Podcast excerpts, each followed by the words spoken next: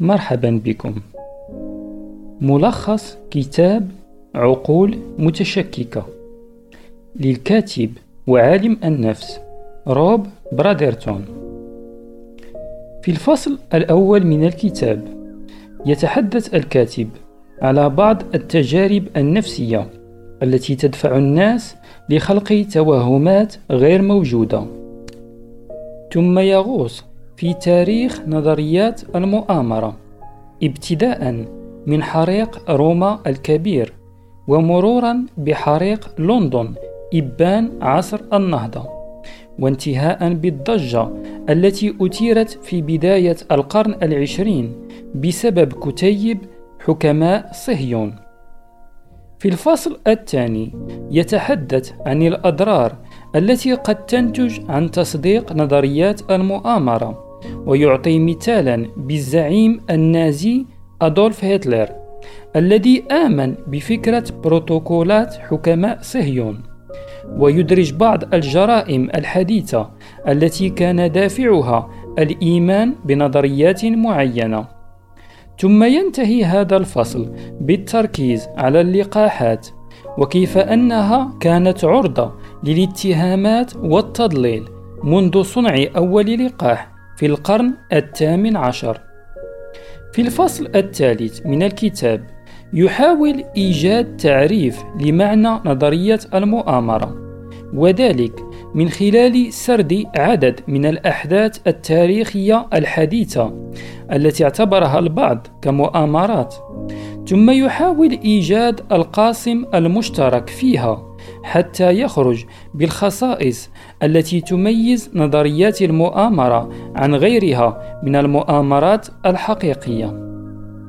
في الفصل الرابع يتحدث الكاتب عن عقلية من يؤمنون بالمؤامرات وأنه أحيانا يعتبر من ينشر نظريات المؤامرة هو نفسه يعمل لصالح جهة ما ما يجعل نظريات المؤامرة مستحيلة الهدم.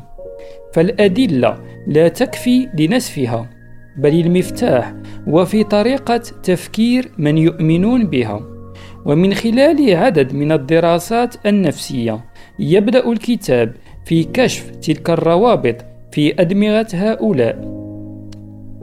في الفصل الخامس يتساءل الكاتب إن كان سبب تصديق نظريات المؤامرة هو أن الشخص مصاب بجنون الارتياب أم أن هناك أسبابا أخرى تدفعنا لتصديق تلك النظريات؟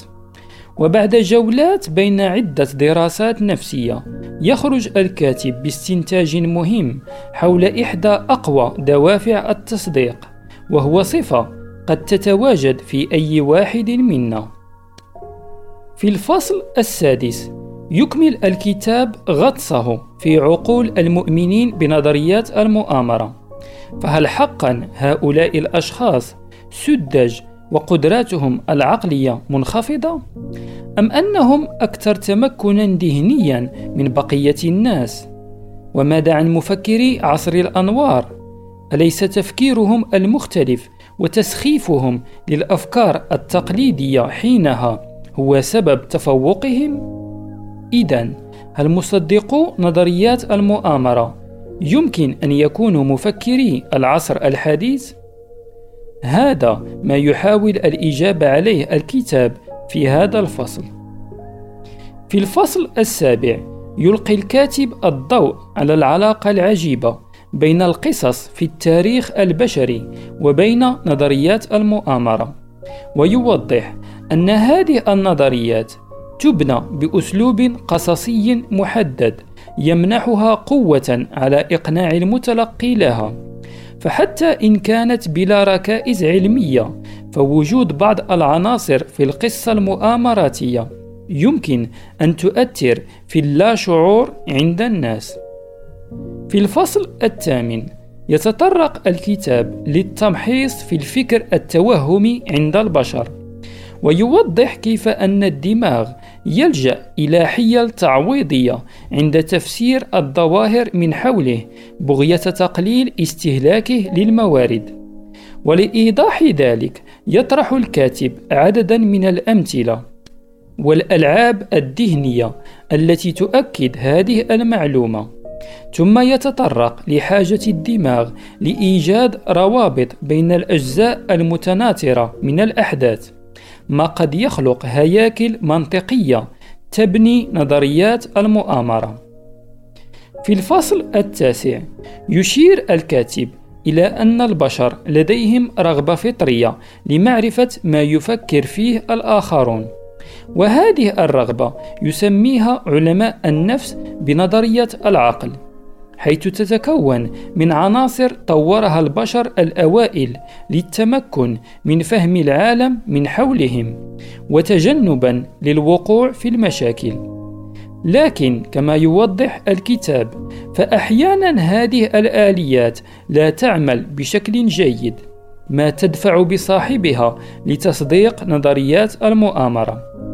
من الجانب الآخر يخرج الكاتب بأهم استنتاج في الكتاب حتى الآن وهو أن من يكون لديه استعداد لتصديق تلك النظريات فهو شخص يميل للتدليس. لذلك هو يرى من حوله كلهم مثله فيعتقد أنهم يتآمرون عليه. في الفصل العاشر يتحدث الكاتب عن التحيز النسبي وهو ميلنا لعدم الاقتناع بأن الصدفة هي من تكون في الأصل خلف الأحداث الجسيمة كسقوط طائرة.